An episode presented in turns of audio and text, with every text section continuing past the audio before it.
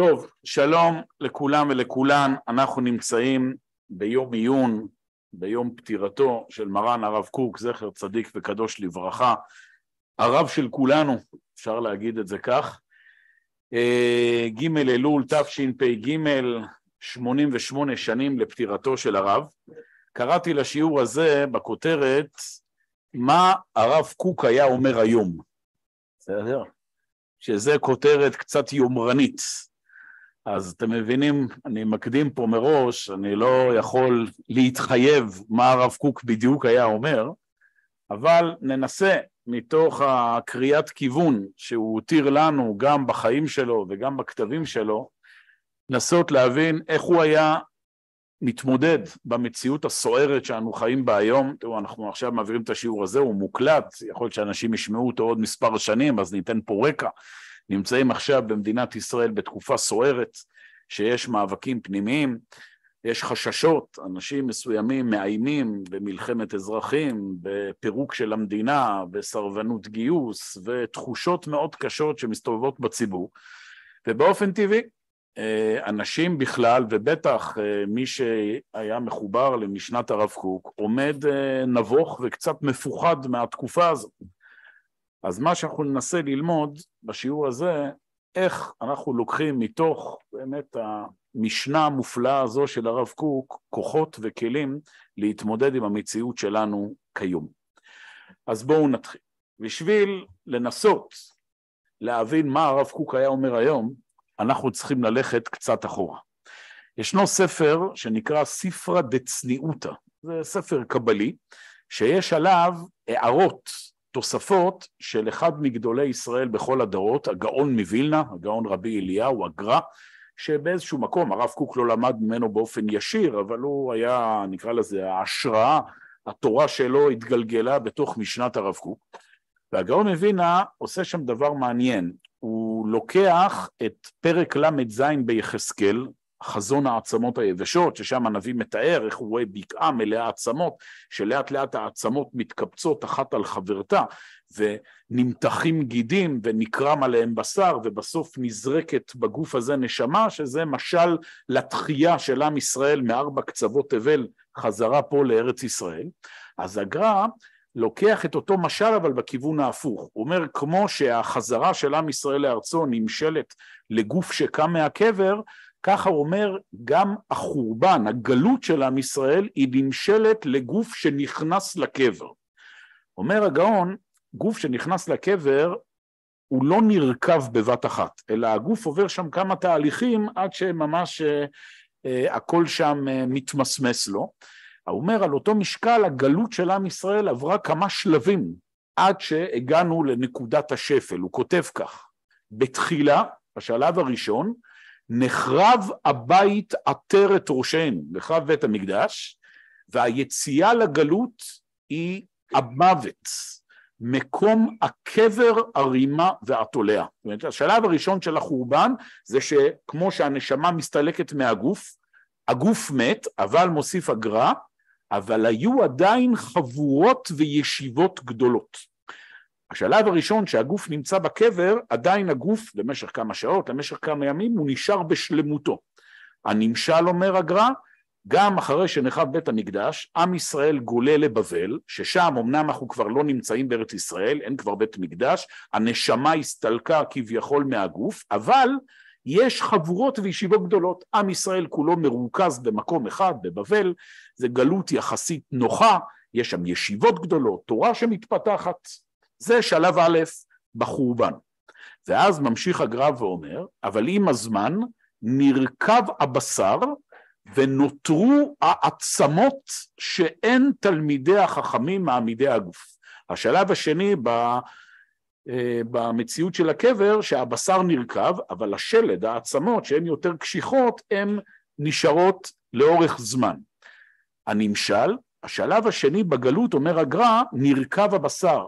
גם המרכז הבבלי לאט לאט נרכב ומתפזר. עם ישראל, לא רק שהוא יוצא מארץ ישראל, לא רק שאין בית מקדש, אנחנו כבר לא מרוכזים רק במקום אחד, אלא הגלויות היהודיות מתפשטות על ארבע קצוות תבל, אבל יש עדיין תלמידי חכמים מעמידי הגוף. גם לאורך כל הפיזור הנורא הזה בגלות, יש שלד רוחני. יש בכל דור ודור הנהגה רוחנית שמנהיגה את עם ישראל בכל התפוצות, איזה תל פיות שכולם שואלים שאלות, שהשיא של אותה הנהגה רוחנית, או נקרא לזה המקום האחרון שבו הייתה הנהגה רוחנית כללית לעם ישראל, זה היה תור הזהב בספרד.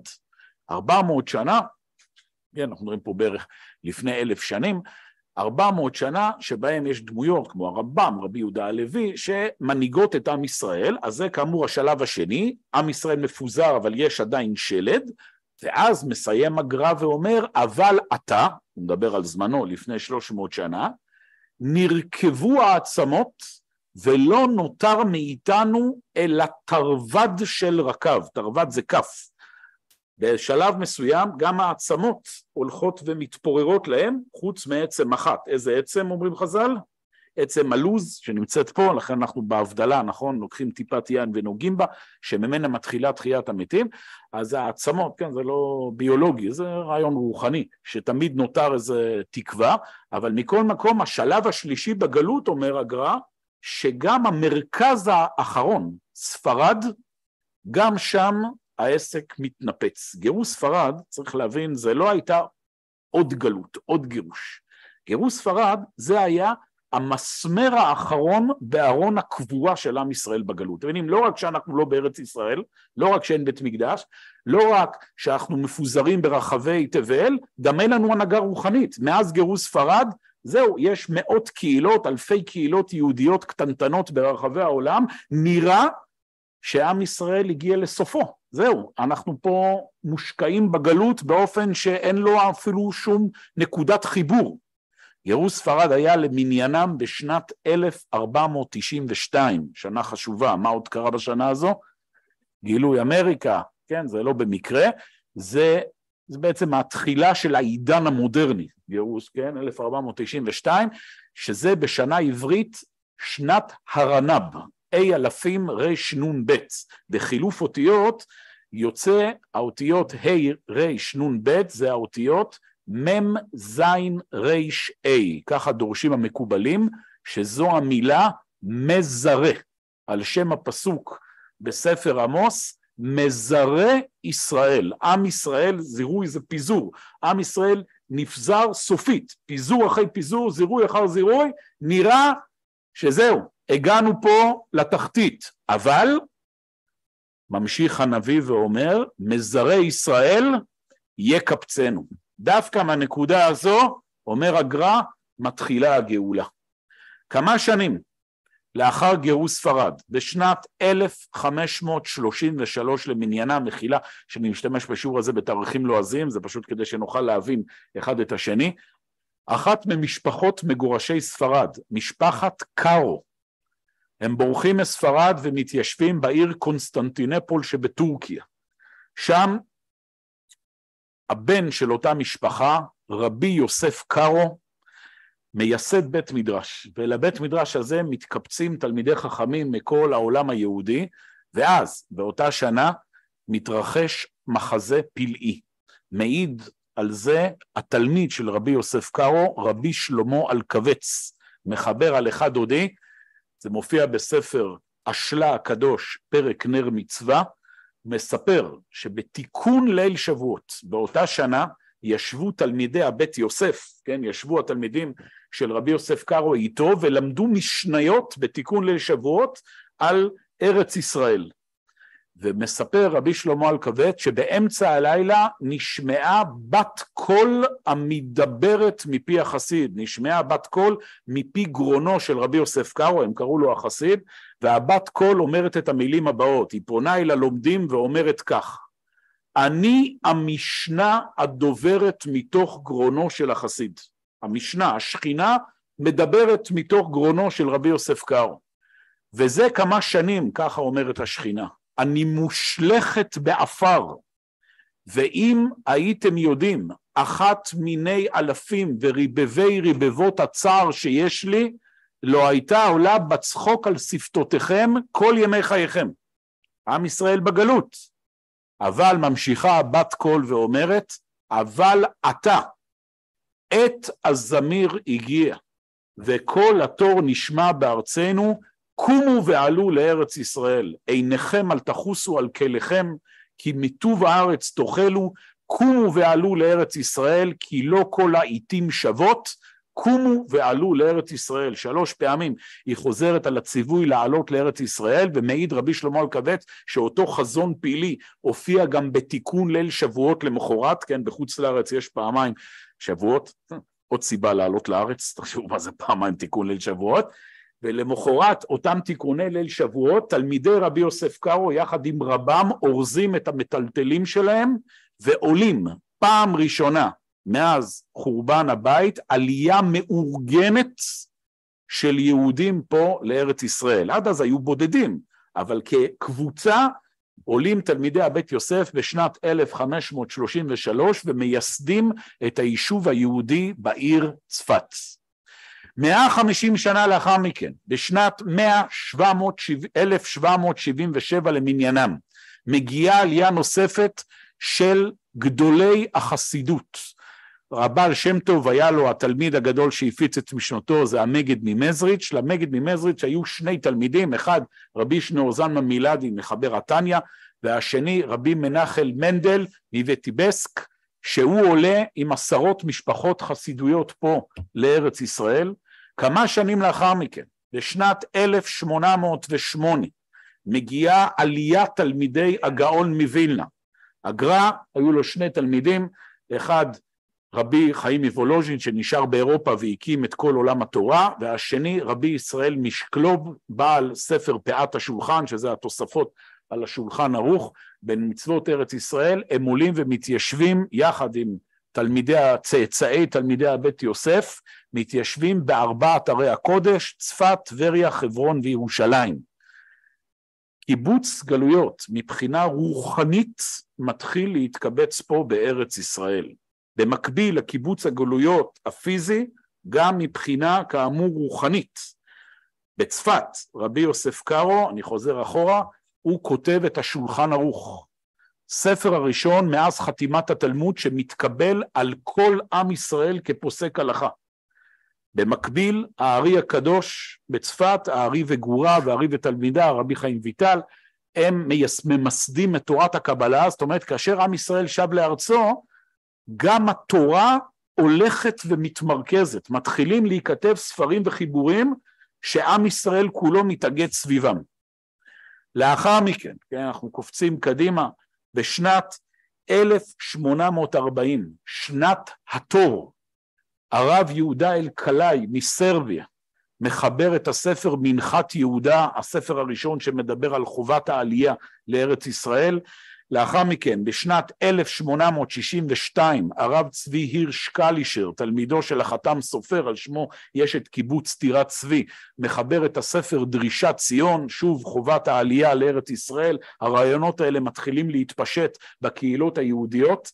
בשנת 1880, שנת התרמ"ב, מגיעה עלייה ראשונה של יהודי תימן, אלה בתמר, כן, משחקים שם עם השנים, הם מתיישבים בכפר התימנים, מה שנקרא סילואן, בשנת 1882 מגיעה עלייה ראשונה שמורכבת רובה ככולה מיהודים שומרי תורה ומצוות. למה עשיתי לכם את הסקירה הזו? כדי לחדד פה נקודה, דווקא עכשיו בתאריך ג' אלול, לחדד נקודה שלפעמים שוכחים אותה. הציונות לא מתחילה מהרצל. הציונות לא מתחילה מבן גוריון. הציונות מתחילה מגדולי תלמידי החכמים של עם ישראל.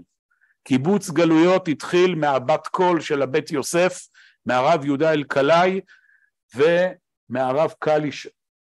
העצמות, תלמידי החכמים, הם מתחילים דבר ראשון לשוב פה לארץ ישראל. אבל וכך אנחנו מגיעים אל נקודת המפנה. אותם תלמידי חכמים שהתיישבו פה בארבעת ערי הקודש, באמת נטו פה את הנטיות הראשונות של שיבת עם ישראל, בנו פה ישיבות, בנו פה כוללים, אבל הם לא הצליחו מה שנקרא לפרוץ את החומות. זאת אומרת, הם לא הצליחו לייסד תשתיות של כלכלה, של ביטחון, של ישות לאומית, גם העלייה הראשונה שהם כן ייסדו מושבות, פתח תקווה, גאונים, מה שהפך להיות ראש פינה, ראשון לציון, זה היו מושבות שמאוד uh, ראשוניות, האדמה הייתה פה שוממה אלפיים שנה, והיה להם קשיים כלכליים ומשפחתיים ונפשיים, וכאן מגיעים כוחות חדשים. בשנת 1902 למניינם, מתחיל גל עלייה שנקרא גל העלייה השנייה. הגל הזה מורכב מצעירים שעלו בעיקר ממזרח אירופה, רוסיה, שהיו מאוגדים בחבורות שנקראו חובבי ציון, שהם הושפעו מאוד גם מהתנועה הציונית שייסד הרצל במערב אירופה, שהרעיון הכללי של הצעירים הללו היה, אנחנו עולים פה להקים בית לאומי לעם היהודי, אבל מנותק מהמסורת והתורה. אנחנו רוצים להקים פה חברה סוציאליסטית, כן, לתפיסה אירופאית של אותה אה, תקופה, של יהודי חדש. בגלות היינו צריכים את התורה, המצוות, אנחנו פה מקימים משהו חדש, והחבורה הזאת צריך להבין, הם מנו בסך הכל אלפיים איש. בסדר? מ-1902 עד 1914, שהתפרצה מלחמת העולם הראשונה, עלו ליתר דיוק 17 אלף, אבל מתוכם 15 אלף מתו או חזרו חזרה. בעיקר במזרח אירופה, אבל לא רק, ובאותם אלפיים איש היו כל מיני שמות, כמו דוד גרין, שהפך להיות דוד בן גוריון, וגולדה מאירסון, שהפכה להיות גולדה מאיר, וברל כצנלסון, וברנר, ואחד העם הכינוי. בקיצור, כל הרחובות של מדינת ישראל עלו בעלייה הזו. כל מי שירד מהאונייה קיבל רחוב. או, הבחורים האלה והבחורות הללו היו דמויות מאוד מאוד דעתניות, הם כולם באו ממשפחות דתיות והם מרדו במסורת, זה גם יצר בעיות פסיכולוגיות מאוד קשות, יש היום מחקרים שהיה הרבה התאבדויות, לא עלינו בתוך, הם היו אנשים שחיו פה בחיים לא נורמליים, והנה הניע אותם משהו לא רציונלי, הם באו כולם להתמסר להקים פה מדינה, והם באמת לאט לאט יוצרים פה את התשתיות למדינה, זה מתחיל מעולם הביטחון. עד שהם הגיעו, מי שהיחידים שהיו פה שמרו על המושבות, זה היו הצ'רקסים, הבדואים, הם מקימים אגודות שמירה, בר גיורא, השומר, מה שאחרי זה מתגלגל להיות הגנה, פלמ"ח, צה"ל. מבחינה כלכלית, הם בהתחלה מקימים, באמת, מנסים להשתלב במושבות הראשונות, אבל הם מיד מקימים מושבות משלהם, קיבוצים, מקימים מוסדות כמו תנובה, סולל בונה, מבחינה פוליטית יש בהתחלה מפלגות פועלים והם לאט לאט מתמקדים במה שנקרא ההסתדרות הציונית, מה שאחרי זה בעצם הפך להיות כנסת ישראל. למעשה פני מדינת ישראל עד היום מעוצבים מתוך הגל הזה של העלייה השנייה. צריכים להבין, האנשים שמשתוללים היום ברחובות הם הנכדים והנינים של אנשי העלייה השנייה והם בטוחים, בטעות, שהמדינה שייכת לסבא שלהם. זה השורש פה, העמוק, הפסיכולוגי, של מה שקורה פה עכשיו. והציבור הדתי, שעם ישראל אז היה עדיין ברובו, לא קראו לאז חרדי, אבל היה ציבור דתי ענק, מסתכל על התופעה המשונה הזו, שהחזון של אחרית הימים, של תחיית עם ישראל, מוגשם על ידי אנשים שבמבט ראשון נראים רחוקים לחלוטין מכל סממן של קדושה, וכל העולם הדתי לוקח מרחק. עד העלייה השנייה העולם הדתי תמך בשתיקה, לא כולם עלו, אבל אמרו למה לא, לעלות לארץ ישראל, חשוב, לתרום, כן, היו שדרים שהיו מסתובבים, אוספים כסף ליהודים בארץ ישראל, אבל ברגע שראו שהכוחות החילונים תופסים פה את הבכורה, הם לוקחים צעד אחורה, וזה גורם לשבר שאין כמוהו בחברה היהודית. היום כשאנשים מדברים על מלחמת אחים, אה, מלחמת אזרחים, הם לא מבינים על מה הם מדברים. מה שקורה היום, קצת הפגנות ברחובות, תכף נדבר על זה צעקות, זה כסף קטן למה שהלך בחברה היהודית לפני מאה ומאה עשרים שנה. יש מחקרים שמראים שתוך תקופה קצרה יחסית, מאה שנים, בערך ככה מאה אלף 800 עד 1900, 90 אחוז חילון בעם ישראל. מבינים את המשמעות הזו? 90 אחוז חילון בעם ישראל. הישיבות התרוקנו. היה, עכשיו זה כמובן היה בעיקר בחברה האירופאית שהייתה מושפעת מאוד מהשכלה וכולי, אבל זה הלך וחלחל בצעדים מאוד מהירים גם לצפון אפריקה, זה פשוט נעצר שם כי הייתה מלחמת העולם השנייה ואז כבר עלו לארץ ואז החילון, מה שנקרא, הגיע אליהם, אבל זו הייתה תקופה איומה ונוראה, היה לאנשים שחיו באותה תקופה היה נראה שהיהדות סיימה את דרכה.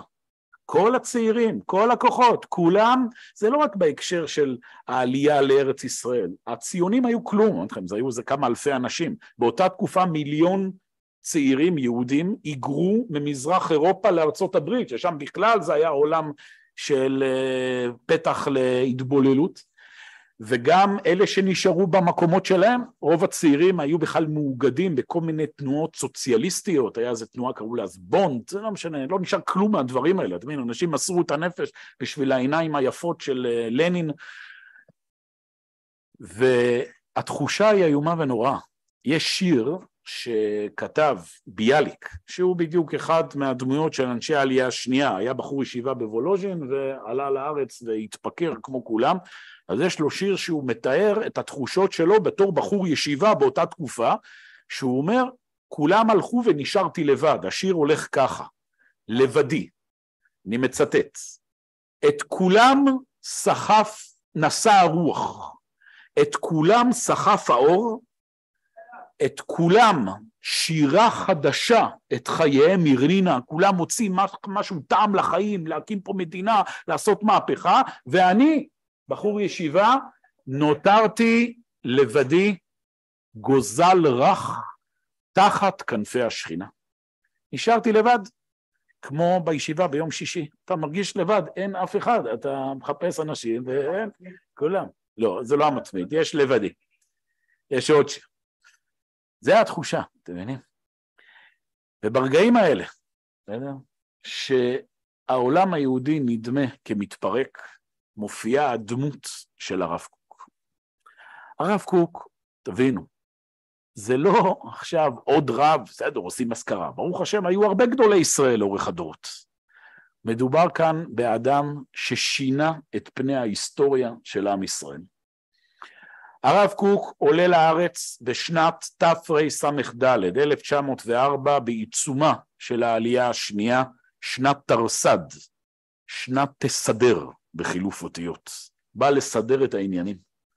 הוא מגיע בכ"ח אייר, בסדר? תאריך משמעותי כשלעצמו, שנתיים לאחר מכן, הוא, כן, הוא מתמנה כרב של יפו והמושבות, שזה בעצם מה שעוד לא היה תל אביב, אבל זה היה היישוב החדש, כן, איפה שהצעירים נמצאים, ושנתיים לאחר מכן, שוב בכ"ח אייר, הוא מפרסם את הספר הראשון שלו פה בארץ ישראל, שנקרא עקבי הצאן, שיש בתוכו מאמר, שהמאמר הזה למעשה בנה את כל הציבור שאנחנו חלק ממנו, מאמר שנקרא מאמר הדור.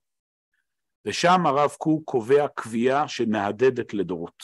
אומר הרב קוק, המציאות המשונה הזו, שאנחנו רואים שהקיבוץ של עם ישראל לארצו הולך ומתממש על ידי כוחות חילונים וכולי, זו הגאולה.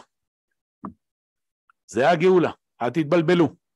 יש סיבות למה זה מתרחש באופן הזה, זו הגאולה, והתפקיד שלנו, מירב, זה לא לעמוד בצד, זה להיכנס פנימה לתוך המערכות, לכלכלה, לביטחון, לחברה, לתת נשמה לגוף הלאומי הזה שהולך ונוצר פה בארץ ישראל.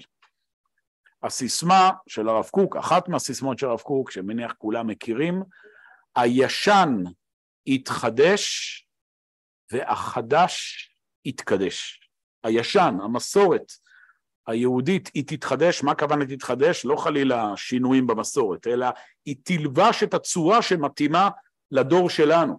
צריך פה תורה, הוא קרא לזה תורת ארץ ישראל, תורה שתיתן מענה לעם ששב לארצו.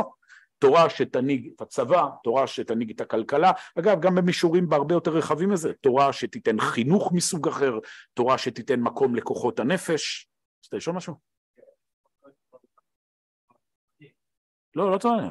יש עכשיו, יש בתנ"ך, בחז"ל, יש דיבורים איך מקימים צבא, רק אלפיים שנה לא צריך להתעסק עם זה. עכשיו צריך להתעסק עם זה. אז עכשיו לקחת את כל המקורות הללו ולחשוף בהם את הפנים שצריכים להתחדש בדור שלנו. המון המון דברים, אנשים תמיד לוקחים את זה רק לכיוון של צבא, התיישבות, חקלאות, יותר מזה. המון דברים שהיום זה כבר מה שנקרא מובן מאליו זה חידושים של הרב קוק ולא רק הוא אלא לחכמי דורו שידעו אז לעלות על נקודה למשל בחינוך עד זמנו של הרב קוק היה ברור שחינוך תורני צריך להיות חינוך מה שנקרא אה, מאוד מאוד כפייתי ו... ושובר. והרב קוק אומר גם כחלק מזה שהכוחות מתחדשים ואנחנו נמצאים פה עכשיו בתקופה שמופיעים כוחות חדשים בעם ישראל צריך חינוך שהיום כל מחנך וכל אבא וכל אימא יודעים להגיד צריך אהבה, אנחנו נמצאים מכון מאיר, אהבה ואמונה, זה דברים שהתחדשו אז והיו נשמעים אז הזויים לחלוטין, היה נראה שהמציאות כולה הולכת בכיוון הפוך. אבל הרב קוק, ואני חוזר ואומר, זה לא רק הרב קוק. היו גם תלמידי חכמים, הרב חלפון והרב עוזיאל, קיצור, זה גדולי ישראל שקלטו בדיוק את גודל השעה. הם בנו את התשתיות למה שקורה היום. כי הרב קוק מזהיר ואומר, במידה והציבור האמוני לא ייכנס לתוך כל המערכות, תדעו, הציונות החילונית, התשתיות האלה שהוקמו על ידי אנשי העלייה השנייה והגלגולים שלהם, זה לא יחזיק מעמד. יש ביטויים קשים שהרב קוק מנבא, שחלילה עתידה הציונות החילונית להפך למפלצת, יש ביטוי כזה גם, שזה יכול להיכנס פה לסחרורים של אסון. אבל ברוך השם, היה את הרב קוק.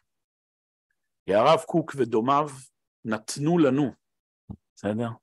88 שנים של מרווח זמן להקים את התשתיות האמוניות בתוך מדינת ישראל. כמו שפתחתי בהתחלה, ואנשים אומרים, הנה, הרב קוק לא צדק, המדינה פה מתמוטטת. אז זהו ממש שלא. הרב קוק ויחד איתו גדולי ישראל צדקו בזה שזו הגאולה. היום אגב הדברים שהרב קוק אמר ובזמנו היו גם מגדולי ישראל שהתנגדו להם, היום זה כבר הוויכוח הזה עבר מהעולם. למשל האם מדינת ישראל היא ישות קיימת או לא. מה שהיום גם בציבור החרדי הקבוצה הזו שנקראת נטורי קרתא שאומרת שהמדינה הזו היא מעשה שטן וצריך ל... זה קבוצה קטנה ושולית. רוב רובו של הציבור החרדי, הוא לא אומר את זה במילים האלה של גאולה וכולי, אבל זה שמדינת ישראל היא מדינה קיימת וצריך להשתלב בתוכה באופן זה או אחר, זה מה שנקרא, המציאות הכריעה בשטח. להגיד שמדינת ישראל היא לא הצלחה, זה צריך להיות אדם שלא חי בעולם הזה. אבל בגלל הסכנה שבאמת אם התשתיות יישארו אך ורק בידי כוחות החול זה יגרום לאסון, ברוך השם, מה שהתרחש בשמונים שנה האלה, בתשעים שנה הללו, שהכוחות החילונים הפכו להיות מיעוט. הכל. הפכו להיות מיעוט. מיעוט, ואני אסביר. אנחנו לצערנו מוצפים היום בתקשורת שיש לה מגמה, נקרא לזה בשפה עדינה, לא לומר את האמת. יש כיום במדינת ישראל שמונה מיליון יהודים. שבעים וחמישה אחוזים, אם לא שמונים, במחלוקת, שמונים אחוזים מתוך הציבור היהודי מגדירים את עצמם כמסורתיים ולאומיים. מסורתיים זה לא דתיים, מסורתיים זה לא אנשים שלומדים דווקא את כתבי הרב קוק, זה אנשים שעושים קידוש בליל שבת ואחרי זה פותחים מסך אבל עושים קידוש בליל שבת, והם רוצים זהות יהודית למדינת ישראל. אל תתבלבלו, נוהגים להציג, לא, יש פה פילוג בעם, חצי מהעם רוצה פה מדינת כל אזרחיה. זה לא חצי מהעם, זה עשרה אחוזים. הולכים ומתמעטים. מבחינה דמוגרפית, לפי כל הסטטיסטיקות, לפי כל הנתונים, הציבור היהודי הופך להיות משנה לשנה יותר מסורתי ויותר דתי. זה מה שמפחיד את אותם אלה שמשתוללים. כי הם לא מבינים מה אנחנו רוצים. חושבים שהמדינה שעליה אנחנו חולמים זה, זה איראן, או סיפורה של שפחה, או שאר ההזיות שהם רואים בסדרות טלוויזיה. הם לא מבינים שמדינה שעליה אנחנו מדברים, המדינה שעליה חלמו נביאי ישראל, המדינה שעם ישראל לדורותיו, הדברים שעליהם כתב הרב קוק ודומיו, זה מדינה מודרנית, מלאת חופש, מלאת טכנולוגיה, מלאת צבא, כאילו ביטחון, מערכות, כלכלה, חברה, ועם זה מחוברת למסורת ולזהות. ולשם אנחנו הולכים. המציאות כיום היא פשוטה. יש כאלה אומרים, תקשיב, המדינה עומדת להיחרב. בואו נעבור אחד-אחד ותבינו שוב איך, בזכות, שוב, הדורות הקודמים שבנו את התשתיות, המצב הוא בדיוק הפוך. מבחינה ביטחונית, מדינת ישראל כיום היא אימפריה צבאית. אפשר לשאול פה אנשים מבוגרים שנמצאים, יכולים לספר, איך לפני חמישים שנה במלחמת יום הכיפורים, או שישים שנה, היה חשש שמדינות ערב יכבשו את מדינת ישראל. כיום אין חשש כזה. אנחנו מוקפים במדינות ערב מתפוררות וארגוני טרור קיקיוניים, יוצרים נזקים אדירים, כל פיגוע וכל כאב הוא איום ונורא, אבל אין איום קיומי על מדינת ישראל.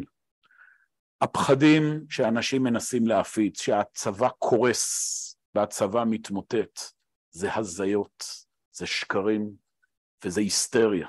הצבא לא קורס, מהסיבה הפשוטה שהיום, בזכות, כאמור, עשרות שנים של עבודה, המערכות בשטח, לא בדרגים הבכירים ובפנסיונרים. הדרגים היום בשטח זה תלמידים של הרב קוק, אם באופן ישיר ואם באופן עקיף, לא הכוונה עכשיו, הכוונה היא הציבור שהוא רוב רובו של מדינת ישראל, הציבור המסורתי, הלאומי, הוא נמצא היום בכל המערכות האלה. תסתכלו טוב טוב מי אלה שמאיימים, זה אנשים שהיו פעם, היו פעם במערכות הביטחון. המציאות השתנתה, הצבא, כמובן שיש נזקים בכשירות, אנחנו לא מזלזלים בנזקים שקורים, אבל הצבא לא הולך לקרוס.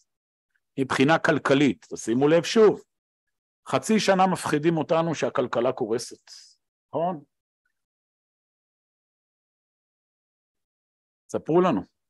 יש בעיות, יוקר מחיה, נכון, אבל כולנו חיים ברמת חיים שהסבים והסבתות שלנו יכלו רק לחלום עליהם. למה הכלכלה לא קורסת? פשוט. כי 90 אחוז מתושבי מדינת ישראל היהודים רוצים מאוד שהכלכלה תפרח, בסדר?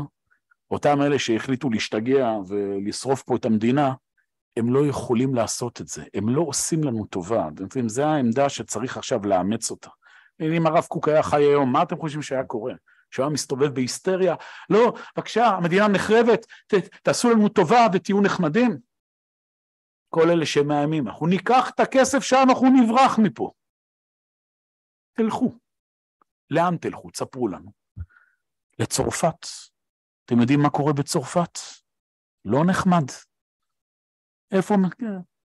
אף אחד לא הולך, מהסיבה הפשוטה שכל מי שנמצא במדינת ישראל, מדינת ישראל היא גן עדן כלכלי.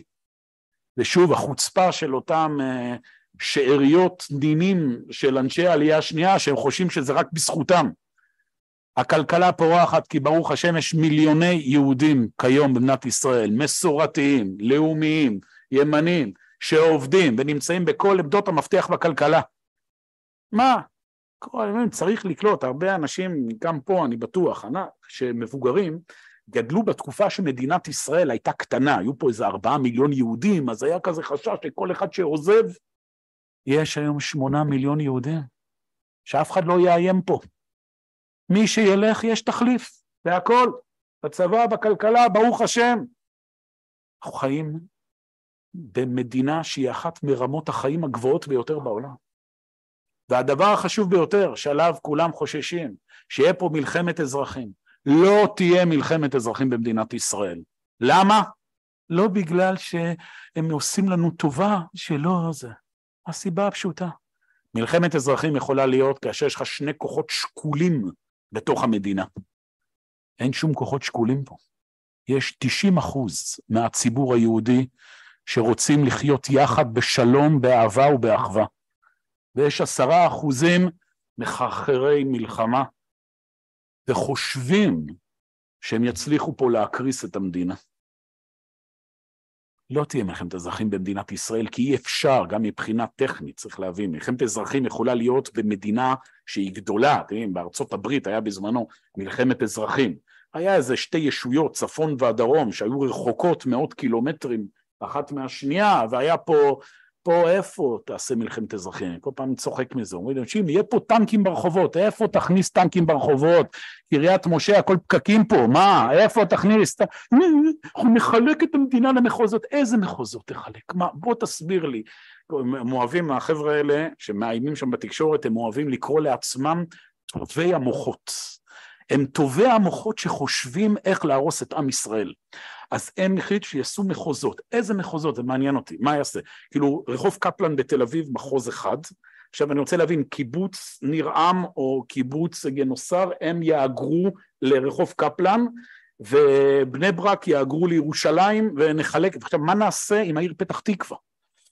היא מחולקת, אה, יהיה רובע אה, חילוני, רובע חרדי, רובע דתי, כן, כן. כאילו, אתה, ואנשים מדברים ברצינות, הוא יכול להיות... כן. בוודאי שזה מטריד. תראי, כל יהודי ויהודי שחלילה, איך אומרים, עוזב אותנו, כואב לנו. אבל צריך להבדיל עכשיו בין כאב פרטי שלא עלינו, והיו בעם ישראל לאורך הדורות הרבה יהודים שעשו שטויות, לבין מה שנקרא נצח ישראל.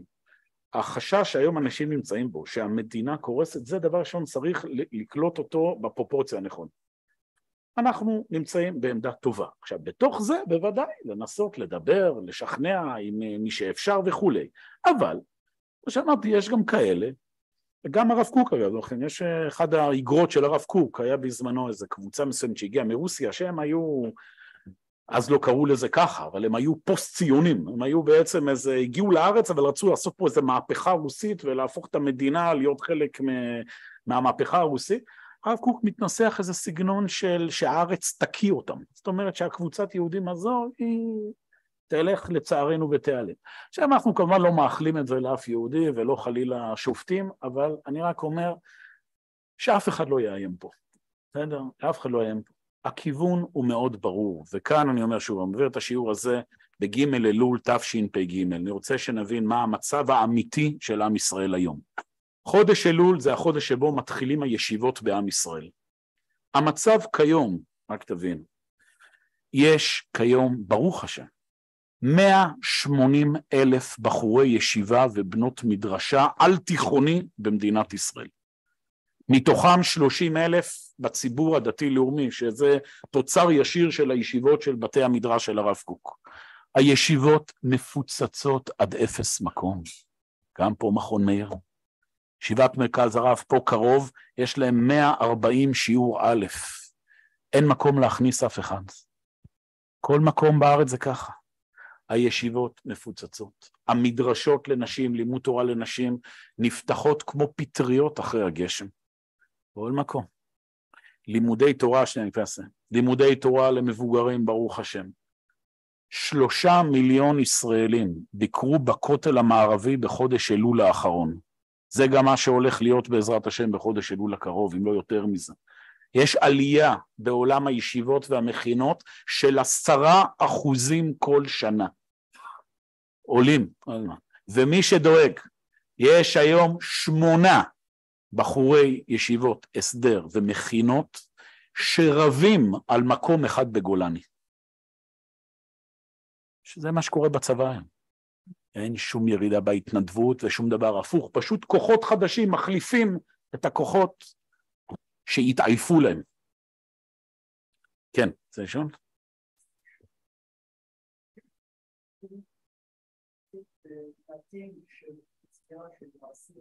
עושה פה את כל הבלגן.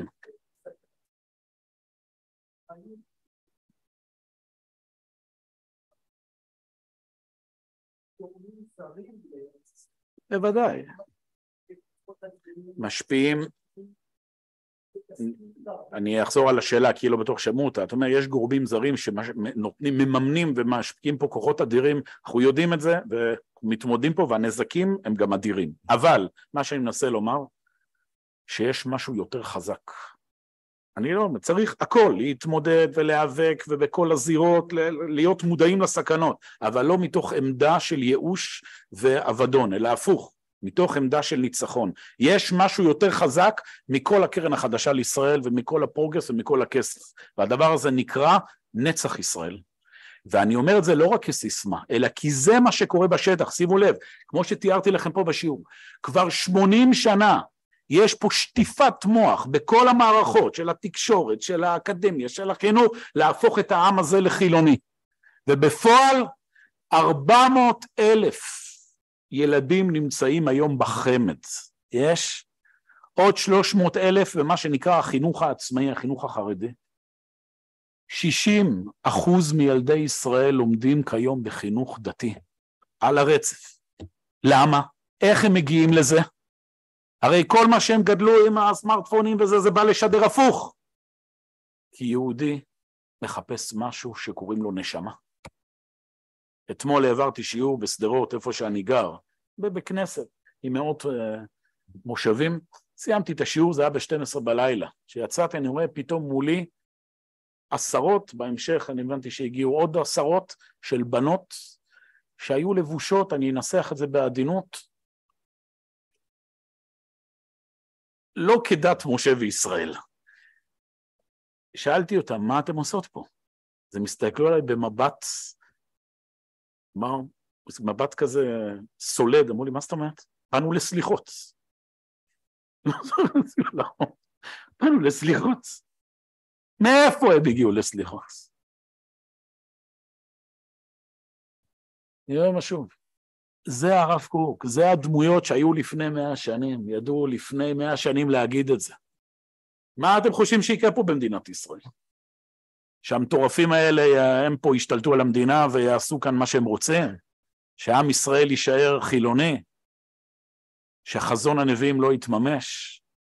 מדינת ישראל היא בעזרת השם תלך ותצמח עוד יותר ממה שקורה עכשיו. עתיד מזהיר לפנינו.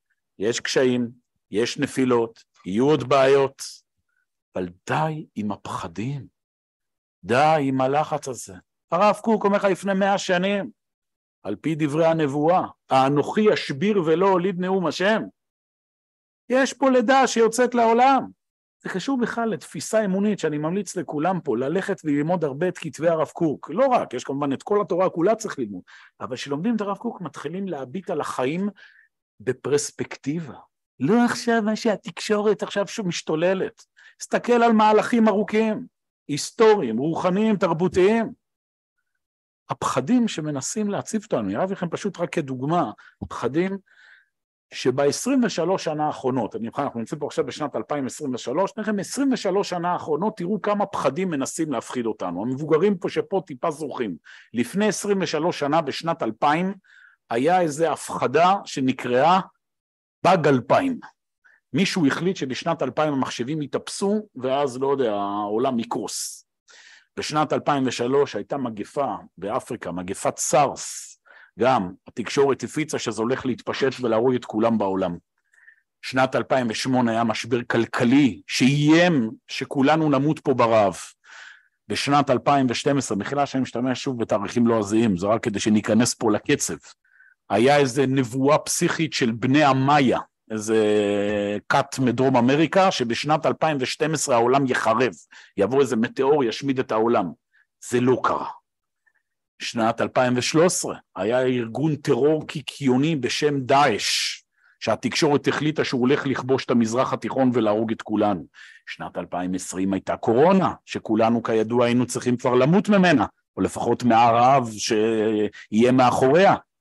ועכשיו בשנת 2023 הפחדים החדשים זה מלחמת אזרחים במדינת ישראל, התחממות גלובלית, חם, אה? ובינה מלאכותית, כן, AI, זה השיגעון החדש, זה עכשיו השתלט על העולם, והפחד הכי חשוב, שאני לא יודע למה לא מדברים עליו, ומדברים עליו יותר מדי, אותי הוא הכי מטריד. יש, תראו, לפני החורף התקשורת תתחיל פחד חדש. הקרמבו ייגמר בחנויות. יש, אתם תראו את זה, כל חורף יש פחדים כאלה. אישי, אותי אישית זה הכי מדאיג פה בסיפור. אז אני פה מנבא נבואה בגימל אלול תשפ"ג, בסדר? מה הולך להיות? שימו לב, אנחנו עושים פה התערבות ביני לביניכם בקהל. אם מדינת ישראל נחרבת בשנה הקרובה, בסדר? אני מביא לכם קרמבו, שנה הבאה. אבל מכיוון שלא תהיה מדינת ישראל, נכון, כולנו נמות או נהיה ברילוקיישן למקומות אחרים, אז אני לא אביא לכם קרמבו, אני לא אוכל למצוא אתכם. אבל אם ג' אלול תשפ"ד מדינת ישראל לא נחרבת, בסדר? אתם מביאים לי קרמבו. מוקה. זה הקרמבו שלי, ואני לא מוצא את זה בחנויות. שואה, מה שהולך פה, שואה. לא מוצאים קרמבו מוקה בחנויות. די עם הפחדים, די עם ההיסטריה, די עם כל ההזיות. יש כיוון, יש אלוקים. מדינת ישראל, אנחנו נסיים מסברה אחרי זה שאלות. מדינת ישראל בעזרת השם תלך ותתקדם הלאה. הכל פורח, תסתכלו מה קורה סביבנו, כל החזון שגדולי ישראל וגם הסבים והסבתות שלנו חלמו, מתממשים מול עינינו. תראו, אנחנו פה נמצאים בקריית משה, ראיתם מה הולך פה? בתים כל הארץ תנופת בנייה, יישובים ביהודה ושומרון, אין מקום, אתם יודעים כמה עולה היום בית ביישוב? לא אגיד לכם, כדי לא להרוס פה את התקווה של הזוגות הצעירים כאן לזה. אין, מאות משפחות עומדות בתור לפני, ליד כל יישוב. הקהילות, ברוך השם, הולכות, בתי כנסת, אני מסתובב בכל הארץ, אני רואה את זה מול העיניים שלי. כל בית כנסת, לא משנה איפה, בגדרה, בראשון לציון, בצפון, בדרום, בתי הכנסת מפוצצים ורק רוצים עוד יותר אנשים להיכנס. הכל אחד בקצב שלו, בצורה שלו, אנחנו יודעים, תהליכים תרבותיים זה משהו שהולך ומופיע בצורה מסובכת של עשרות שנים ודורות, אבל הכיוון הוא כיוון מאוד ברור, כל פעם שאתם מרגישים פחד, כל פעם שאתם עושים את הטעות הזו ושומעים תקשורת יותר מדי, לכו תפתחו את כתבי הרב קוק ותתמלאו באור. הרב אשר לפניי דיבר על זה, כתבי הרב קוק זה השם שלהם, אור, אורות, להתמלות ולראות את התמונה השלמה, והתמונה השלמה שאנחנו קמים כל בוקר ומודים לריבונו של עולם, שזכינו לחיות בתקופה הזו, בתקופת הגאולה. אנחנו חיים בתקופה המאושרת ביותר בתולדות עם ישראל. והילדים שלנו והנכדים שלנו יחיו בתקופה עוד יותר מאושרת. ואתם תראו, ג' אלול תשפ"ג, המצב שלנו הוא בהרבה יותר טוב מג' אלול תשפ"ב. רוצה להזכיר לכם על ג' אלול תש"פ או תשפ"א, שהיינו עם הקורונה וכולנו הסתובבנו וחשבנו שהעולם נגמר, ועברנו את זה. עכשיו יש איזה משבר, לא אומר, הוא קשה, יהיה פה בעיות, קשיים, נעבור גם את זה. וג' אלול תשפ"ד וג' אלול תשפ"ה יהיו ג' אלול עוד יותר טובים, בעזרת השם. אתם חייבים לקרם במוקה שנה הבאה, תזכרו. כן. הבחירות זה בדיוק מה שאנחנו מדברים, כיוון ששאלת אני אענה לך, לא רציתי להיכנס לרמה הזאת. הבחירות האחרונות, תעשה לך חשבון פשוט, 64 מנדטים, מה שנקרא לגוש הימין הלאומי המסורתי. תוריד את הערבים, בסדר? אנחנו רוצים לראות מה המצב של עם ישראל, היחס הוא 75 מנדטים מול 45. יש? 75, זה המדד האמיתי. תראו, אמרנו, אני לא נכנס עכשיו לבעיות הפוליטיות, אני מדבר עכשיו מבחינת שיקוף תרבותי. 74, 75 מנדטים מול 45. מתוך ה-45 מנדטים האלה, שיהיה ברור, זה לא כולם משתוללים. יש הרבה מאוד אנשים שמאמינים, זה ה... ברוך השם, רוב הציבור, גם מי שלא מגדיר את עצמו כדתי ומסורתי, זה אנשים שאוהבים את עם ישראל, אוהבים את מדינת ישראל, בסדר? זה לא... הקבוצה שאנחנו מדברים עליה זה קבוצה, אני, אם אני מנסה לכמת את זה למונחים פוליטיים, עשרה מנדטים בדוחק. פחות מעשרה אחוזים מהציבור היהודי. והם הולכים ומתמעטים. שום דבר לא ישנה את זה. זה הסיבה, אני אומר לך שוב, זה הסיבה שהם עכשיו משתוללים. זה בלתי נמנע. הציבור, ברוך השם, עם ישראל שב, חודש אלול, אנחנו נמצאים בחודש התשובה, עם ישראל שב לאביו שבשמיים, וזה יבוא לידי ביטוי, שוב, תלמדו את כתבי הרב קוק, אתם כבר לומדים את כתבי הרב קוק, תבינו איך תרבות משתנה. תרבות לא משתנה בזה שעושים ככה ובבת אחת פתאום כולם עולים לבית המקדש. תרבות משתנה בתהליך של עשרות ומאות שנים, אבל אפשר לסמן כיוונים מאוד ברורים, והיום, תבין, הרב קוק, תחשבו עליו, הוא חי לפני 80 שנה, כמו שתיארתי, שכולם מסביב נראים חילונים, שכל הכוחות נראים עכשיו לכיוון מסוים, והוא עומד ואומר, תראו, הדברים השתנו. אנחנו, 80 ו-90 שנה לאחר מכן, אנחנו רואים מול העיניים שלנו איפה אנחנו חיים. חיים בגן עדן ששמו מדינת ישראל. אז עוד יותר אנחנו צריכים להתמלא באמונה ובשמחה. אז שוב, בעזרת השם, נחתום כאן, ואני שוב מזכיר, קרמבו מוקה. נעצור כאן.